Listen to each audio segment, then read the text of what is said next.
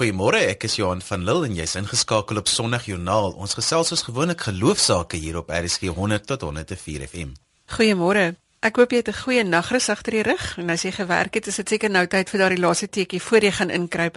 Hoe dit ook al sê, vir die volgende 45 minute gesels ons oor verskillende geloofsgemeenskappe en as jy mooi luister, sal jy hoor dat almal onderstreep hoe belangrik dit is om jou verhoudings met mense positief en sterk te hou. Ons gaste vanoggend is professor Cas Webner wat met Lisel gaan gesels oor die hantering van woede. Ek gesels met twee lede van die Libertas koor, François Henning en Marcia de Toey, en Lisel gaan hoor by sielkundige Estie Potgieter oor die belangrikheid van kommunikasie en hoe dit help om moeilike situasies te ontlont. Gilma Stander gesels met Annelies Kemp, die redakteur van Servamus oor xenofobie en ons as geloofsgemeenskap se verantwoordelikheid daaroor.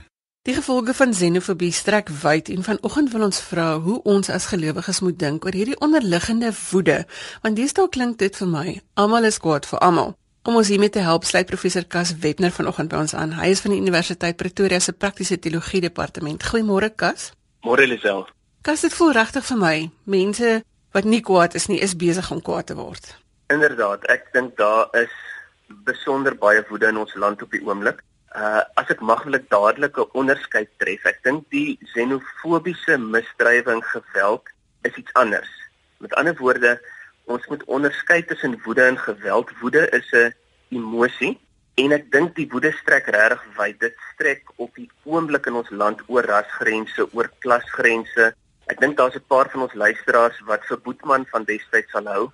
Ek dink daar's nog meer mense wat kwaad is as wat hy destyds was ek kom gereeld in gemeentes, in gemeenskappe gesels met die mense en daar's werklik, werklik baie woede. Ek dink nie ons kan op die oomblik 'n koerant oopmaak sonder om in 'n koerant, enige koerant in Suid-Afrika artikel te kry oor woede nie. Ek dink daar's nogals baie redes, redes wat gaan oor die verlede, maar ook baie redes oor die oor die hede, mense wat kwaad is oor korrupsie, diskriminasie, dienslewering. Dis 'n lang lys. Ja, en onder andere is hulle ook net kwaad vir mekaar oor egskeiding of wat dit ook al mag wees. Is dit gesond om ons woede so op te krop? Definitief nie. As ons opkrop en opkrop en opkrop, dan kan sake oorkook, dan kry ons allerlei probleme wat voortspruit daarin. Ek dink daar's juis goeie voorbeelde waar Suid-Afrikaners dit nie opkrop nie. Nou party luisteraars kan dit dalk vreemd vind wat ek nou noem, maar ek dink is 'n goeie ding as ons soms staking sien waar mense toi toi waar hulle ek dink eintlik besig is om hulle woede te kommunikeer of mense wat oor plaasmoorde kruise plant die debatte die mense wat skryf in die koerant ek dink dis goed want dis alles uitdrukkings van van woede en waar mense dit nie opkrop nie. En ek sal baie graag sien nou dis 'n uitdaging ek sal baie graag sien dat ons uh, geloofsgemeenskappe in Suid-Afrika juis ook mense 'n ruimte gee waar ons dit nie opkrop nie Ek wil nou juist vir jou vra, hoe moet ons as gelowiges binne die konteks van korrupsie en geweld en al die goeters reageer? Ek wil sê om kwaad te word is 'n goeie ding. En ek sê dis 'n goeie ding omdat dit wys jy gee nog om. So ja, ek sou sê reageer wel. Ons sit met baie bagasie as gelowiges. Die een ding is as ons gesels oor hierdie woede wat daar op die oomblik is, dan het ons 'n probleem want baie gelowiges sien woede onmiddellik net as 'n sonde finishing klaar. In sekere tradisies is dit selfs 'n doodsonde, die doodsonde van donderdag. 'n Ander stuk bagasie waarmee ons sit is ons wys nie sommer ons emosie nie. Nou Lisel, ek wil sê woede is deel van hoe God die mens geskep het en is goed. So is ook ons emosies waarvan woede een van die emosies is. Woede help ons om te ek wil sê selfs om te oorleef En in dieselfde asem, terwyl ek sê dis goed, wil ek ook sê dit is gevaarlik, soos ons net nou gesê het, dit kan oorkoop, dan sien ons xenofobiese geweld byvoorbeeld en dan dink ek dis nogals belangrik dat geloofsgemeenskappe ook vir gelowiges help met riglyne oor so so hoe kan ons kwaad raak? Hoe kan ons op 'n sinvolle wyse dit uitdruk? En daar is goeie moontlikhede.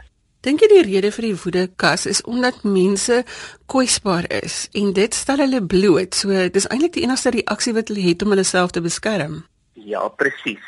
Ek sal dit nog verder vat. Ek wil sê mense is kwaad omdat ons lief is en omdat dit waarvoor ons lief is bedreig word. So ons ons ons ervaar dit pos dat iets waarvoor ek regtig omgee bedreig word en dan is daai emosie wat in my opkom is woede. Uh, en dit help my om dit ook te beskerm dit waarvoor ek omgee. Ja, want mens stel jouself bloot as jy as jy lief is en as jy vir iemand omgee. Maar as, ons as Christene is ons veronderstel om die ander wang te draai. Natuurlik moet ons maar om te begin vergewe, om die ander wang te draai nog voordat die misdrijf klaar is. Wil ek sê is baie naby aan teologiese bedrog. Eh, as ons kyk na die Bybel, God word dikwels kwaad omdat hy omgee, omdat hy medelee het. Jy sal dikwels in die Bybel lees van God se toorn. Uh, ons kan dink aan Jesus in die tempel waar hy ook woedend was. Natuurlik vergifnis, maar ek dink ons moet baie versigtig wees om vergifnis nie goedkoop te maak nie. Kom ons pas dit toe op korrupte leierskap. Wil ons onmiddellik vergewe of wil ons net vir 'n oomblik pauseer en sê wag ek wil eers sê dat ek kwaad is en dan kan ons verder gaan. Met ander woorde ek wil eers wys dat ek omgee voordat ek verder gaan. Sikas jy sê ons mag om die regte redes kwaad word. Ek dink ons moet om die regte redes kwaad word omdat soos ek nou nog gesê het omdat dit wys ons nog omgee. Um iemand wat my nogal gehelp het hiermee is die bekende Eugene Peterson, die persoon wat die Bybel in as 'n message vertaal het, die populêre vertaling. Hy het gesê: "Vat jou woede en gebruik dit as 'n diagnostiese instrument. Met ander woorde, vra: Hoekom is ek kwaad?" En sodra jy vra, regtig gaan sit en stil word en vra: "Ek het hierdie emosie, ek beleef my hartklop versnel nou en daar's so 'n ou sweetjie wat uitslaan." Vra jouself af: Hoekom? En in die meeste gevalle gaan ons uitvind dat ons kwaad raak omdat ons omgee. Uh, omdat iets waarvoor ek lief is bedreig word ook in Suid-Afrika. Jy kan voel jou droom van 'n reënboognasie word dalk bedreig, dan dan raak jy kwaad en ek wil weer sê ek dink op hierdie oomblik in Suid-Afrika, dis nie 'n slegte ding nie. Ek dink dis 'n guldige geleentheid ook vir geloofsgemeenskappe, vir kerke dat ons ons kollektiewe woede met ander woorde ons omgee kan kommunikeer. Ek vind op sosiale media mense tree nogal in debat in, maar hulle doen dit nie op die regte manier nie. Hulle is baie neidig teenoor die persoon um, in plaas van teenoor die onderwerp. Dit is lastig. Ek sien dit ook, dan is dit op die man of op die persoon af wat dit gedoen word. Uh, ek dink daar is wel goeie riglyne. Ons het baie wyse mense in ons geloofsgemeenskap wat ons kan kan help hiermee met met gesonde riglyne en dan sit basiese dinge.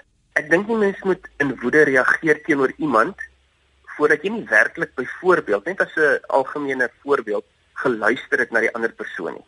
Dan word as jy geluister het, kan jy regtig herhaal wat daai persoon nou gesê het, sy of haar punt insien voordat ek reageer. daarmee sê ek nie ons moet nie kwaad word nie, maar ek dink ons moet ook sinvol dink rondom 'n goeie stel riglyne oor hoe gaan ons hierdie woede kommunikeer? Hoe reageer ons ook op sosiale media? So kasom saam te vat in 'n sin of twee. Wat moet ek in my agterkop hou as die taxi weer vir my inswaai op die pad? Uh hou in jou agterkop jou woede is 'n wonderlike gawe van God. Ek dink dis wonderlike energie. Ek dink jy moet dit regtig nie op 'n taxi mors nie. Hou dit, gebruik dit vir sake waarvoor jy regtig omgee wat regtig belang is en onthou as jy woede kan gee, moet jy ook woede kan vat. Dit was professor Kas Webner van die departement praktiese teologie by die Universiteit van Pretoria wat vir ons help dink het oor hoe ons woede moet hanteer. Dankie vir die samegesels vanoggend Kas. Baie dankie Lisel. As jy sopas ingeskakel het, sê ons goeiemôre en welkom by Sondagjoernaal op RSG. Gaan loer gerus by RSG se webblad by rsg.co.za vir inligting oor ons gaste vandag. Die kontakdetail is ook op Sondagjoernaal se Facebook bladsy. Ons is saam met jou tot net voor 8uur. Marsha de Toey is 'n onderwyseres en lid van die Libertas koor en sy het onlangs vir Johan vertel hoe musiek haar lewe verander het. Mens groei nou baie van jy jong onderwyseres tot jy nou na 50 se kant toe aanstap in elk geval mos. Ek het nou toe ons geoefen het gestaan en dink weer, hier sing ons nou geseënd is die vredemakers want hulle sal kinders van God genoem word. Ons sing dit oor en oor en oor en dan stop ons en dan oefen ons dit weer en dan sing die basse dit alleen en dan sing die soprane dit alleen en dan sing ons dit weer almal. So in die beloop van 'n aand sing jy skrif oor en oor en oor. En ek dink dis in Jeremia waar daar staan the Lord watches over his word to perform it. So ons verklaar skrif die hele tyd terwyl ons sing.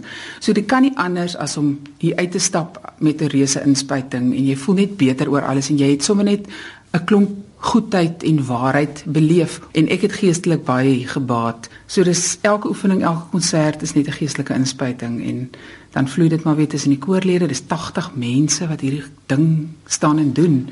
Jy kan nie anders as om aanklank te vind en te groei nie. Oor 23 jaar die repertoire van die koor het al die groot geestelike werke ingesluit van die Messias tot by die Stabat Mater. Maak nie saak wat dit is nie, die koor het dit al gesing. Watter van daai werke het vir jou persoonlik iets beteken? Definitief die Elia van Mendelssohn. In die tyd wat ek in die koor sing het ons dit 3 keer gedoen met die volle simfonieorkes met die soliste en dis ook heeltyd skrif en is natuurlik nou nog um op die koop toe 'n mooi storie. Maar wat wat vir my wonderlik is daarvan is dat die skrifgedeeltes wat wel gekies is Dis goed dat mens elke dag nodig het. So ek sal dit wils loop en dan besef ek ek is besig om iets te neerie of iets te sing in my kop wat uit Elia uitkom. En as as mense ook vir my oor die koor vra, dan gaan ek dikwels terug soontoe. Waar ons ook Handel se Messias gedoen het en ons het baie ander oratoriums gedoen. Ons het grootwerke gedoen, maar Elias altyd na my toe terugkom. Ek sal byvoorbeeld sommer nou soos ek hier sit, sit te dink ek sommer nou ehm um, hoe ons sommer so aan mekaar vat as ons party van die van die liedere begin en later jare as ons nie die hele oratorium doen nie dan sing ons dele daaruit sommer nou net om 'n program vol te maak dan sit hoogtepunte so Elia van Mendelssohn definitief groot hoogtepunt vir my gewees jy wat in die onderwys staan daar's nie 'n beroep wat 'n mens so leeg tap soos die onderwys nie voel jy dat om hier te kom sing bietjie weer die emmertjie die emosionele emmertjie volmaak Ja, 'n kollega van my het dit baie mooi gestel vir jaar by ons konsert juis waar sy 'n beurt gekry het om met die met die gehoor te praat.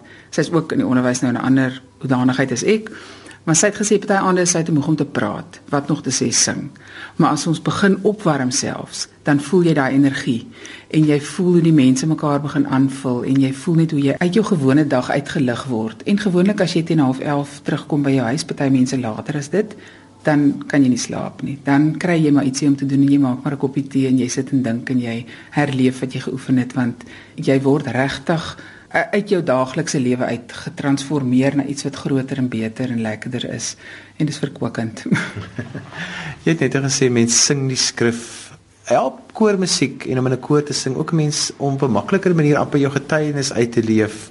Gee dit vir jou die platform daarvoor dit gee dit definitief in die koor onder jou vriende in die koor gee dit definitief vir jou want jy het aanknopingspunte omdat jy die musiek het. En weer daai ding van jy staan langs en tussen 80 ander mense. En dit sal nie sommer in 'n oefening gebeur nie, maar in 'n in 'n konsert.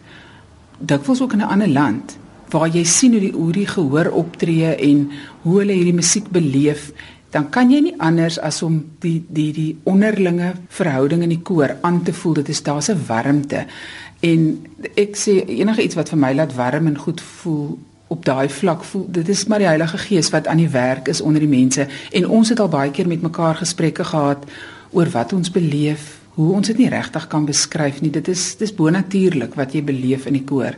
Maar jy moet saam geoefen het jy moet saam swaar gekry het jy moet saam 'n risiko vat om op daai verhoog te loop en te hoop dit werk. Ehm um, mos maar dit wil so dat die die produk is nie altyd die be beloning nie, dit is die risiko wat vir jou daai beloning gee en ons het dit saam gedoen. En dan die geestelike gesprekke wat baie keer daar uitkom in busse as jy deur die sneeu ry in 'n vreemde land en eintlik maar nou wil huis toe gaan. dan het jy met jou koorvriende 'n uh, uh, aanknopingspunte wat jy nie in by jou huis het nie of by jou werk het noodwendig of tussen jou ander vriende nie. Dis 'n is 'n ander belewenis. So ja, kry dit vir niks. in die 23 jaar wat jy in die koor sing, het Suid-Afrika 'n tiener geword en hy het groot geword en interessante politieke veranderinge maar ook op godsdienstvlak het eintlik soveel veranderinge ingekom. Hoe het jy dit ervaar by die koor want die koor is eintlik maar ons grondwet en ons konstitusie in praktyk. Dit was wat Johan en Lumina probeer het aanvanklik om hierdie reënboognasie, ek dink dit toe was dit al so genoem nie, maar hulle het dit begin doen voordat voordat Nelson Mandela nog uit die tronk uit was. Toe sing die Libertas koor al en dit was een van die trekpleisters vir my want daar was ander kore wat ek kon oorweeg. Dit was een van die trekpleisters. Dit het vir my gelyk na hier wil ek betrokke wees. En dit was vir my nog altyd iets waarop ek baie trots is dat ek deel van hierdie proses was wat vroeër begin het as die res van die land. Ek is regtig trots daarop nie dat ek noodwendig so groot aandeel daarin gehad het nie, maar ek was deel van die om die wa te trek. En ek moet sê my verhouding met mense wat nie van my kultuur is nie, is definitief op 'n ander vlak as wat dit sou wees sonder die koor. Ek het 'n gemaklikheid van altyd af met hulle want ek het hulle as mense kom ervaar wat net soos ek baie graag wil sing wat binne hulle self skatryk is en so baie het om te gee en ons is in ons jonger jare daarvan af weggehou. So dit was een van my groot libertas voorregte is dit van my beste vriende op die oomblik is van my ander kultuurmense wat ek in die Libertas koor ontmoet het.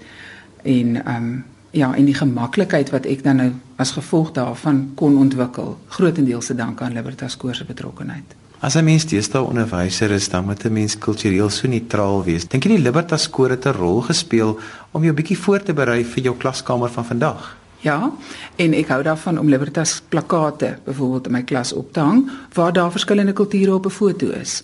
En dit sal baie keer 'n vragie uitlok. Juffrou, wie is daai? Wat se ding hang daar? Sal een dan vra en dan het ek 'n 'n gaping en dan kan ek sê en um, ek vind dat kinders wat dalk eenkant voel of wat dalk voel hulle is in 'n skool waar al nie baie van hulle kultuur is nie, hulle kan dalk net daar hoor maar hier, hier hierdie vrou het vriende in ander kultuurgroepe, maar dan moet jy dit sê. Jy kan nie dink hulle gaan 'n plakkaat in jou muur sien en dan gaan dit goed genoeg wees nie. Jy moet dit uitspreek en dit is baie keer moeilik want dit kan gedwonge en geforseerd lyk like, wat 'n gesprek probeer jy nou hier aanvoer. So ek is versigtig daarvoor om dit nie ehm um, te forceer nie, maar terselfdertyd het ek regtig nogals kleurblind geraak in my klasse. Partykeer as jy iets oor vertel en iemand vra vir jou 'n vraag, maar was dit 'n kleerlingkind of was dit 'n wit kind? Dan vererg ek my nogal.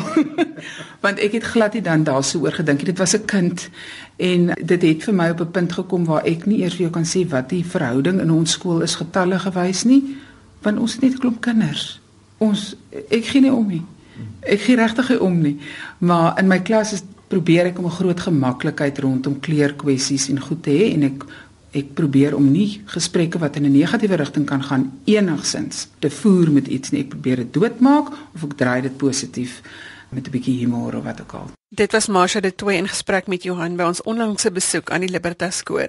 As jy nou net jou radio ingesit het, goeiemôre. Die program is Sondagjoernaal saam met Johan en Lisel. En ons gesels geloofsaake. Gilma Stander gesels vanoggend met Annelies Kempen, die redakteur van Servamus oor xenofobie. Dankie Johan. Nou ons word omring deur ontstellende berigte van geweld in die informele nedersettings, beeldmateriaal wat vooraf waarskuwings en ouderdomsbeperkings en uitbeeldings van haat het wat 'n mens met afgryse vervul. En uh, vandag verwelkom ek vir Annelies Kempen, redakteur van die Servamus tydskrif, om bietjie hieroor te gesels. Goeiedag Annelies. Hallo Gilman en jou en aan al die luisteraars. Wanneer ons na xenofobie kyk, hoe sou ons dit beskryf? En waar lê die wortels nou eintlik van hierdie verskynsel? Xenofobie word beskryf as 'n angs of 'n vrees teenoor dinge wat vreemd of onbekend is veral teenoor vreemdelinge of dan mense van ander lande.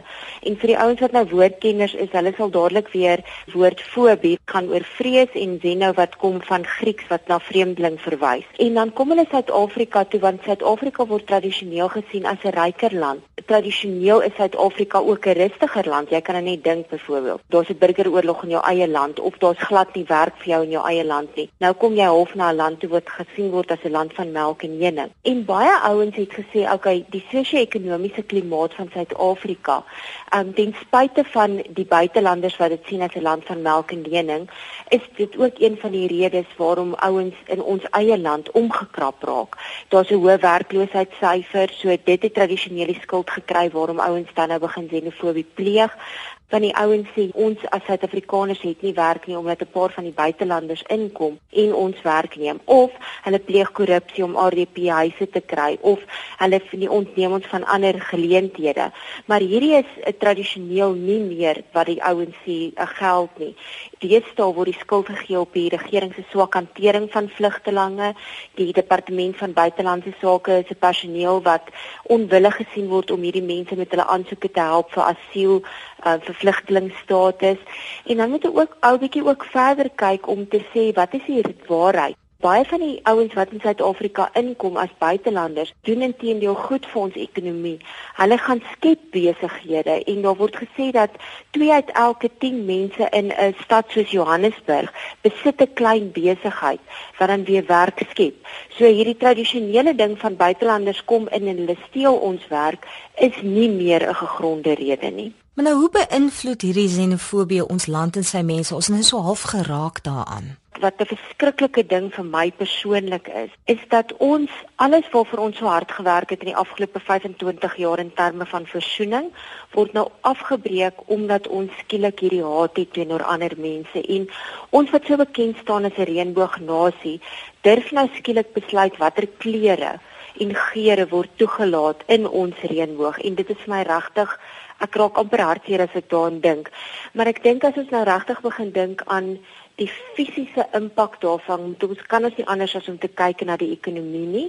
Ons dink net aan al die besighede wat in die geaffekteerde gebiede moes sluit. Ons dink aan besighede wat ook in ons buurlande moes sluit. Ons Suid-Afrikaanse besighede wat daar werk skep, het sy vir ons plaaslike mense wat weer daar gaan werk en vir die buitelanders in daai lande, want dit is nou al vir die oog vir 'n oog beginsel van as ons nie in die hele land welkom is nie, is hulle ook nie in daai lande welkom nie. Dan is daar 'n klomp plekke waar daar reisvoorskrywings uitgereik is. Ons weet, ek dink dit was so 'n week en 'n half gelede was daar 'n klomp ouens wat voor die Lebombo grensposte moes omdraai, die vragmotors wat letterlik aangeval is. So mense kon nie deurgaan na Maputo en daai lande toe nie. Daar's 'n impak op buitelandse be beleggings en ek sien een van die nuutste goed is dat 'n Nigeriese groep die internasionale kriminele hof gaan vra om 'n haatspraak um, ondersoek te doen teen die Zulu koning na aanleiding van die sogenaamde die uitsprake wat hy gemaak het teenoor buitelanders. En dan nog 'n faset waarvan baie min van ons, jy weet, baie keer aandag gee, is dat dit ons land ongelooflik baie aan hulpbronne kos. Daar's ekstra polisielede wat ontplooi moet word. Dit word weggeneem van normale polisieering af. En dan iets wat my, jy weet, as ek net daaraan dink, is die trauma vir die mense wat hierdie goed moes ervaar het. Jy weet, dit is beeldmateriaal waarna jy nou nou verwys het. En dan net as 'n laaste opmerking ten opsigte van hierdie vraag vraag van jou. Die Afrika Diaspora Forum het in 'n stadium gereken dat soveel as 900 buitelanders sedert 2008 op 'n gewelddadige basis um, doodgemaak is in Suid-Afrika op grond van hul nasionaliteit. So wat sê dit oor ons as Suid-Afrikaners? Is xenofobie nie dalk 'n verskoning vir kriminaliteit nie? Ek dink dit is ja en 'n nee vir hierdie antwoord van jou want Baie keer begin hierdie goed regtig as 'n ongelukkigheid teenoor buitelanders met al die redes wat ons nou net genoem het, maar dan ontaard dit op plekke in kriminaliteit. Wat 'n verskoning is daar regtig om mense te besteel, om mense fisies aan te rand, om mense te vermoor en ek dink ongelukkig het Suid-Afrikaners hierdie neiging om wanneer probleme, jy weet in ons land kom, dan wil ons dit altyd met geweld begin oplos so gewelddadig teenoor hierdie mense te raak nie. En dan sit die polisie skielik nou met 'n dilemma. Want nou moet hulle hierdie deelnemers aan xenofobie begin aankla vir kriminaliteit vir diefstal vir huisbraak wanneer winkels gesteel word vir kwaadwillige saakbeskadiging wanneer eiendom beskadig word vir openbare geweld. En wanneer dit nie gebeur nie is daar ook nie 'n afskrikmiddel nie noodwendig vir die volgende ou wat dit oorweeg nie Wat is die alternatief tot xenofobie en wat is ons as geloofgemeenskap se rol in hierdie saak? Die sentrale beginsel vir al hierdie goed staan vir my aan doen ander ander wat jy aan jouself gedoen wil hê. So ons moet vir hierdie mense wat in Suid-Afrika 'n nuwe inkome soek, moet ons 'n 'n kans gee om ook 'n nuwe lewe vir hulle te begin. So, wat doen jy wanneer daar byvoorbeeld mense is van buitelanders af wat by jou in Suid-Afrika wil kom werk? Doen jy alles wat jy in jou vermoë kan doen, betaal jy hulle die regte salaris, sorg jy dat hulle die nodige dokumentasie in plek het. En aan die ander kant dink ek ons as Christene moet ook 'n balans skep. Wanneer ons hoor van iemand wat haat uitspreek teenoor enige iemand wat anders is, behoort ons te help om hierdie mense vir hulle perspektief te skep sodat ons daai mense nooit oordeel nie, maar eerder begin empatie hê met hierdie mense en dan leer dat geweld nie 'n oplossing is nie. Sjoe Annelies baie dankie. Tyd hardloop uit. Ons het nog so baie om hieroor te sê, maar ons wil net vandag mense se harte aanraak en sê kom ons wees bedag, ons wees sensitief en as geloofsgemeenskap neem ons verantwoordelikheid op om mekaar lief te hê. Baie dankie. Lekker dag vir jou. Goeie dieselfde vir julle tata. Dit was Gilma Stander wat gesels het met Annelies Kemp en die redakteur van Servamus. Ons fokus vandag op verhoudings en kontak en kommunikasie want so baie luisteraars skryf en sê dat hulle alleen is en niemand het om na uit te reik nie. 'n Belangrike ding om te doen is om deel te word van 'n groep, het sy of dit nou 'n Bybelstudie of 'n boekklub of 'n koor is. Nog 'n interessante gesprek oor koneksie en kommunikeer is Johan se onderhoud met Dominee Franswa Henning, wat ook 'n lid van die Libertas koor is. Vir jou as predikant om deel te wees van 'n koor, vertel 'n bietjie vir ons hoe jy dit ervaar. Weet jy, dit is natuurlik uniek want vanuit my geloofsoortuiging maak musiek net vir my baie meer sin as dit gekonnekt word met my geloof.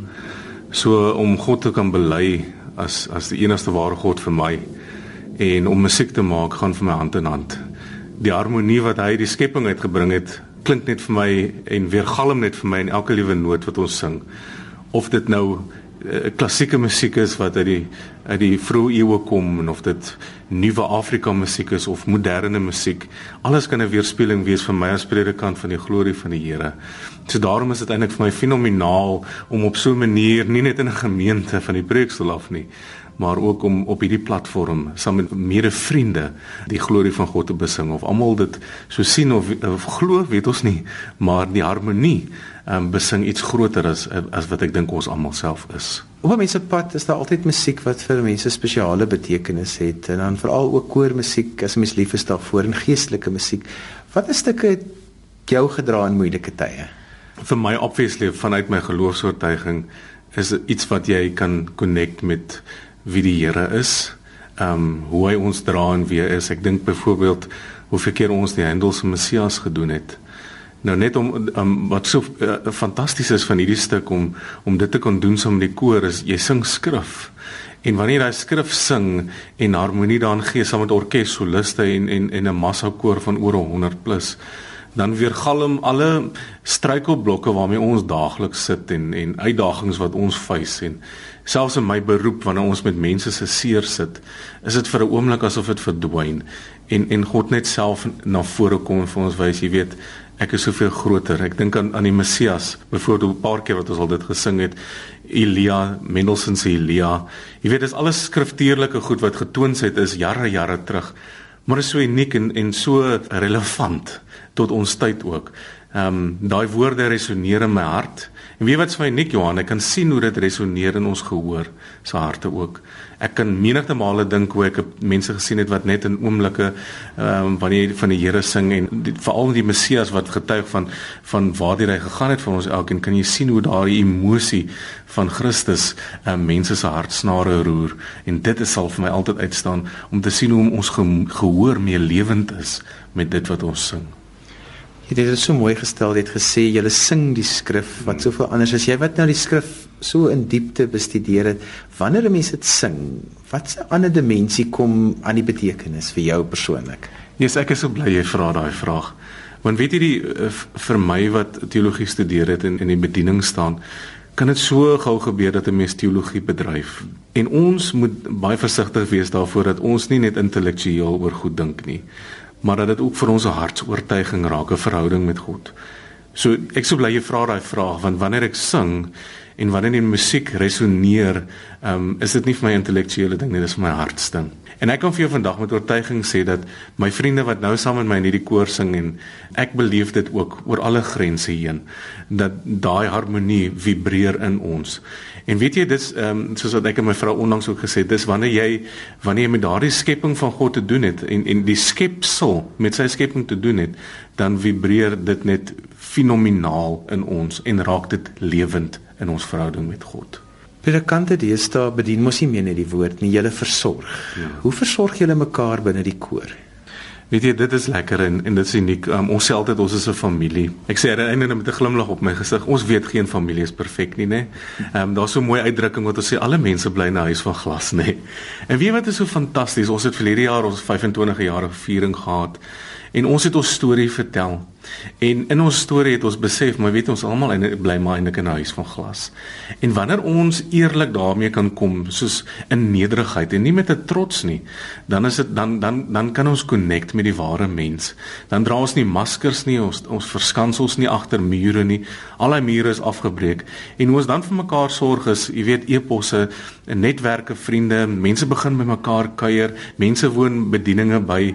Jy weet, um, ek en my vrou het nou onlangs 'n Siri lunch gehad, dan kom die mense, hulle ondersteun ons, hulle koop jou produk. Um, mense wanneer jy deur swaar tye gaan, dan stuur hulle vir jou SMS as jy hospitaal toe moet gaan.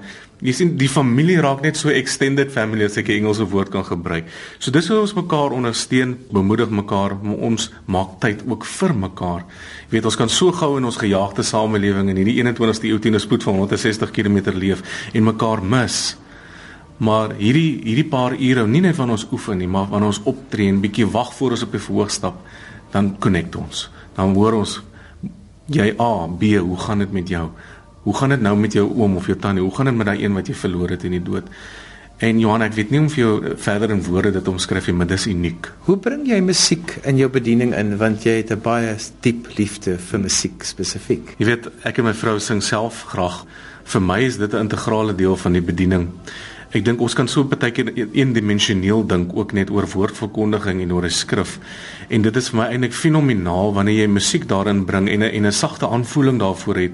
Hoe dit die, die rema en die en die logos woord soos wat ons in die Grieks sê vir die vertaling van die woord net tot 'n nuwe dimensie vat, dit optel en lewend maak vir mense harmonies, nê. En dan gebeur daar 'n fenominale ding. Wanneer klank en harmonie en teologie of geloof bymekaar kom, dan vat dit en dit lig dit die mense soos Paulus ook in die in die Nuwe Testament geskryf het in hemelse plekke in. Dan vergeet mense, nie vergeet nie, maar vir 'n oomblik begin hulle besef, maar weet jy, hierdie aardse realiteit is nie is nie net my eie lewe nie. Ek's 'n pelgrimsreisiger en ek's op pad na hemelse heerlikheid en musiek voel ek Johan help vir ons om ons op te lig as pelgrimsreisigers in hemelse plekke om ons posisie in Christus in te neem wat in die regterhand van God sit. Dis hoe ek dit inkorporeer in in my bediening en dit is hoe ek dit nog altyd gedoen het en en ek vertrou die Here tot die dag wat hy ons almal kom haal dat um, dat hy vir ons daardie gawe sal lewend hou sodat ons so kan connect met hom. Net voor ons afsluit met Dr. Janie Leroux, kuiersielkundige ST Potgieter vanoggend by ons in die ateljee. In enige verhouding is kommunikasie belangrik. Kommunikeer ons nie met mekaar nie, ontstaan daar heelwat onsekerheid wat ons skakel in woede en aggressie en binnekort is almal kwaad vir almal. Vanoggend sluit ST Potgieter, die sielkundige by ons aan hier in die ateljee om 'n bietjie oor kommunikasie te gesels. Goeiemôre ST.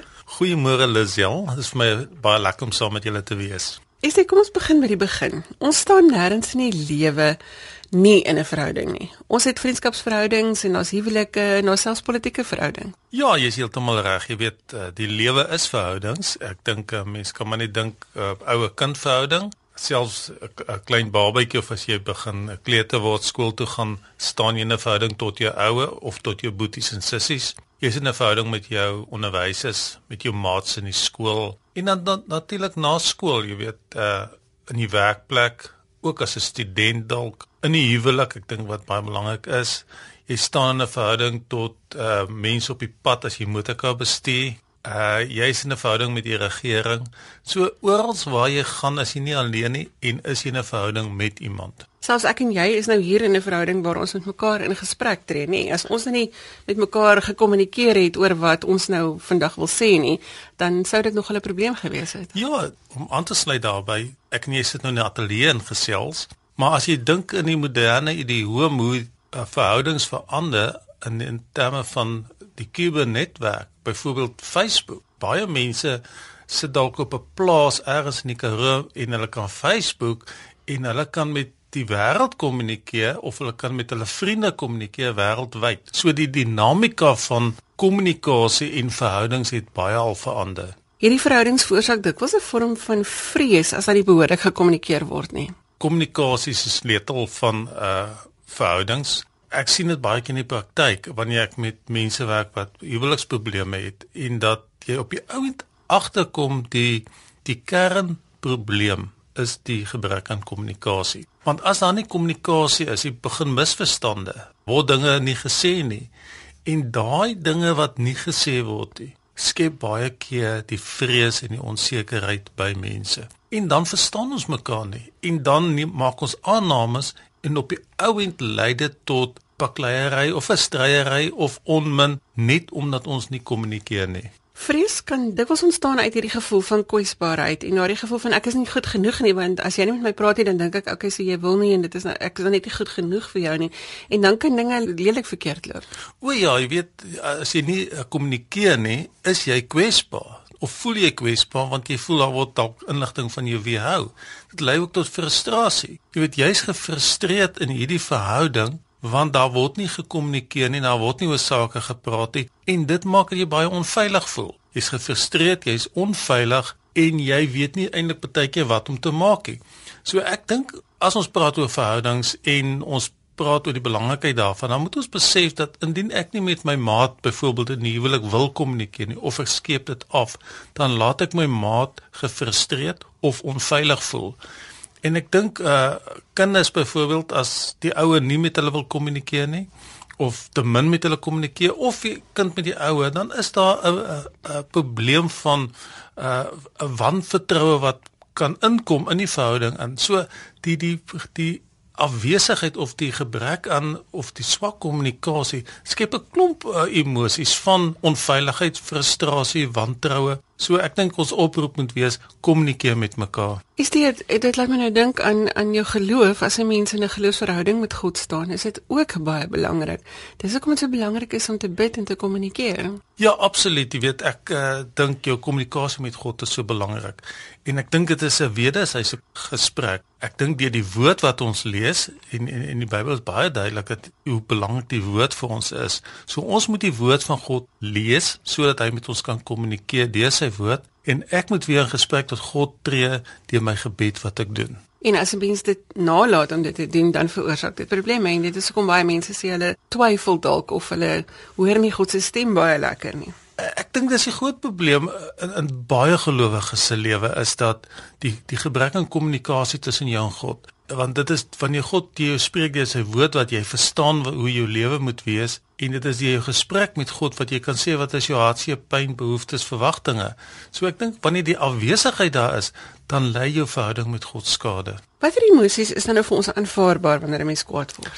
Uh, ja, kwaad word is 'n emosie. So ek dink jy mag kwaad word. Uh, ek dink 'n mens mag ook kwaad word byvoorbeeld wanneer daar onreg gedoen word in die wêreld. Jy weet 'n kind wat mishandel word, afgeskeep of daar word onreg teen iemand gedoen, dan moet jy kan opstaan en jy kan mag kwaad word daaroor. Ek dink die Bybel praat almal van 'n heilige kwaadheid wat wat jy moet doen. Maar ek dink die belangrike ding is ondanks die emosie wat jy kry van kwaad word, is die belangrike ding hoe tree ek op? Hoe beheer ek myself? Een van die vrug van die Gees is natuurlik in Galasiërs 5:22, is selfbeheersing. So al word ek kwaad en al word ek baie keer vir my huweliksmaat kwaad of word ek vir 'n vriend kwaad, dan moet ek myself kan beheer want dit is wanneer ek myself nie beheer nie wat groot skade gedoen word wanneer jy verkeerde dinge sê of doen Ja, maar ons het nou onlangs gesien met die baie geweld in ons land.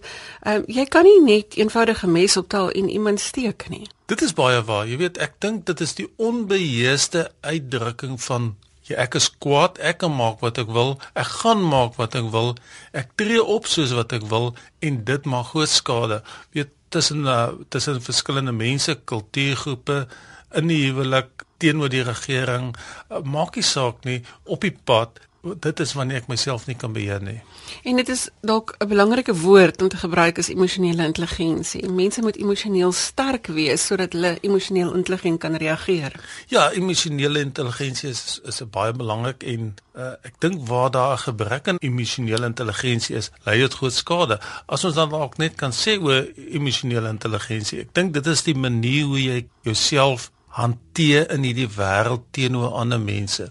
En om die om jou humeur of jou kwaad word te kan hanteer is 'n baie belangrike aspek van emosionele intelligensie. Wat is die dinge wat ons moet onthou in 'n neutedop?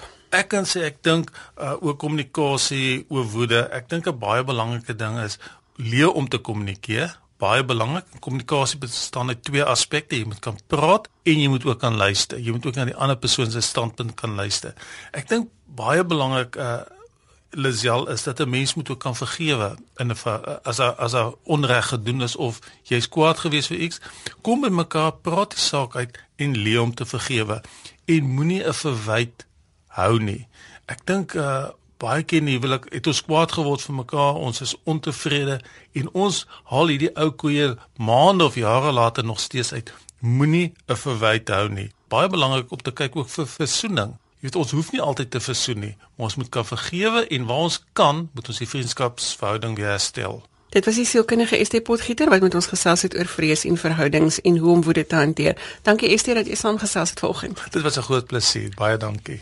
Ja nee, ons het hierdie week weer Vryheidsdag gevier, maar ons het gesien hoe mense ook aangerand en doodgemaak word en hoe hulle winkels gestroop word. Dink jy mense beleef dat hulle vryheid vir hulle niks beteken nie? Orlisel, soos ons weet word Vryheidsdag mos nou gevier om ons te herinner dat ons almal in hierdie land regverdig behandel word deur te mag stem. So saam met die moontlikheid om te stem het mense ook gehoop op ander verwagtinge, soos om 'n werk te hê, soos om bo armoede uit te styg. Die dilemma is dat sommige mense hierdie verwagting gebruik as 'n rede om mense van ander nasionaliteite te verdryf en hulself dood te maak. Sommige gebruik die vrees dat ander mense hulle hulle moontlike werk kan ontneem as rede vir al die geweld. En die woord wat ons dan nou oral hoor is xenofobie wat letterlik beteken om vreemdes te vrees. Daar's egter ook diegene wat gewoon krimineel is en die oomblik gebruik om te baat by die chaos. Hoewel daar 'n verskeidenheid van redes is hoekom mense tot gewelddadige optrede oorgaan, dink ek ons het 'n situasie waarin die gevoel van magteloosheid oorgaan tot onbeheerste aggressie. Met ander woorde, mense se vrese lei hulle om afskuwelike dade te pleeg. Ons moet verstaan dat ons mees basiese ingesteldheid om oorlewing gaan. Nou hierdie primêre behoefte om te oorleef is veral fisiologies van aard, soos die behoefte aan gesondheid, kos, aan slaap. As jy voel hierdie mees basiese behoeftes van jou word bedreig, skop jou sogenaamde oerinstinkte in, naamlik om te veg, vlug of te vries.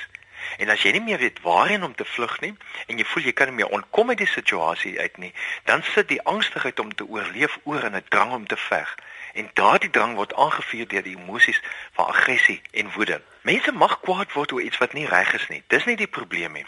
Die krisis kom as jy toelaat dat woede destruktief word. Daar's egter baie beter en positiewe opsies moontlik. En dis hoekom die gedrag wat met xenofobie gepaard gaan so onaanvaarbaar is, want ons weet daar's ook ander opsies moontlik.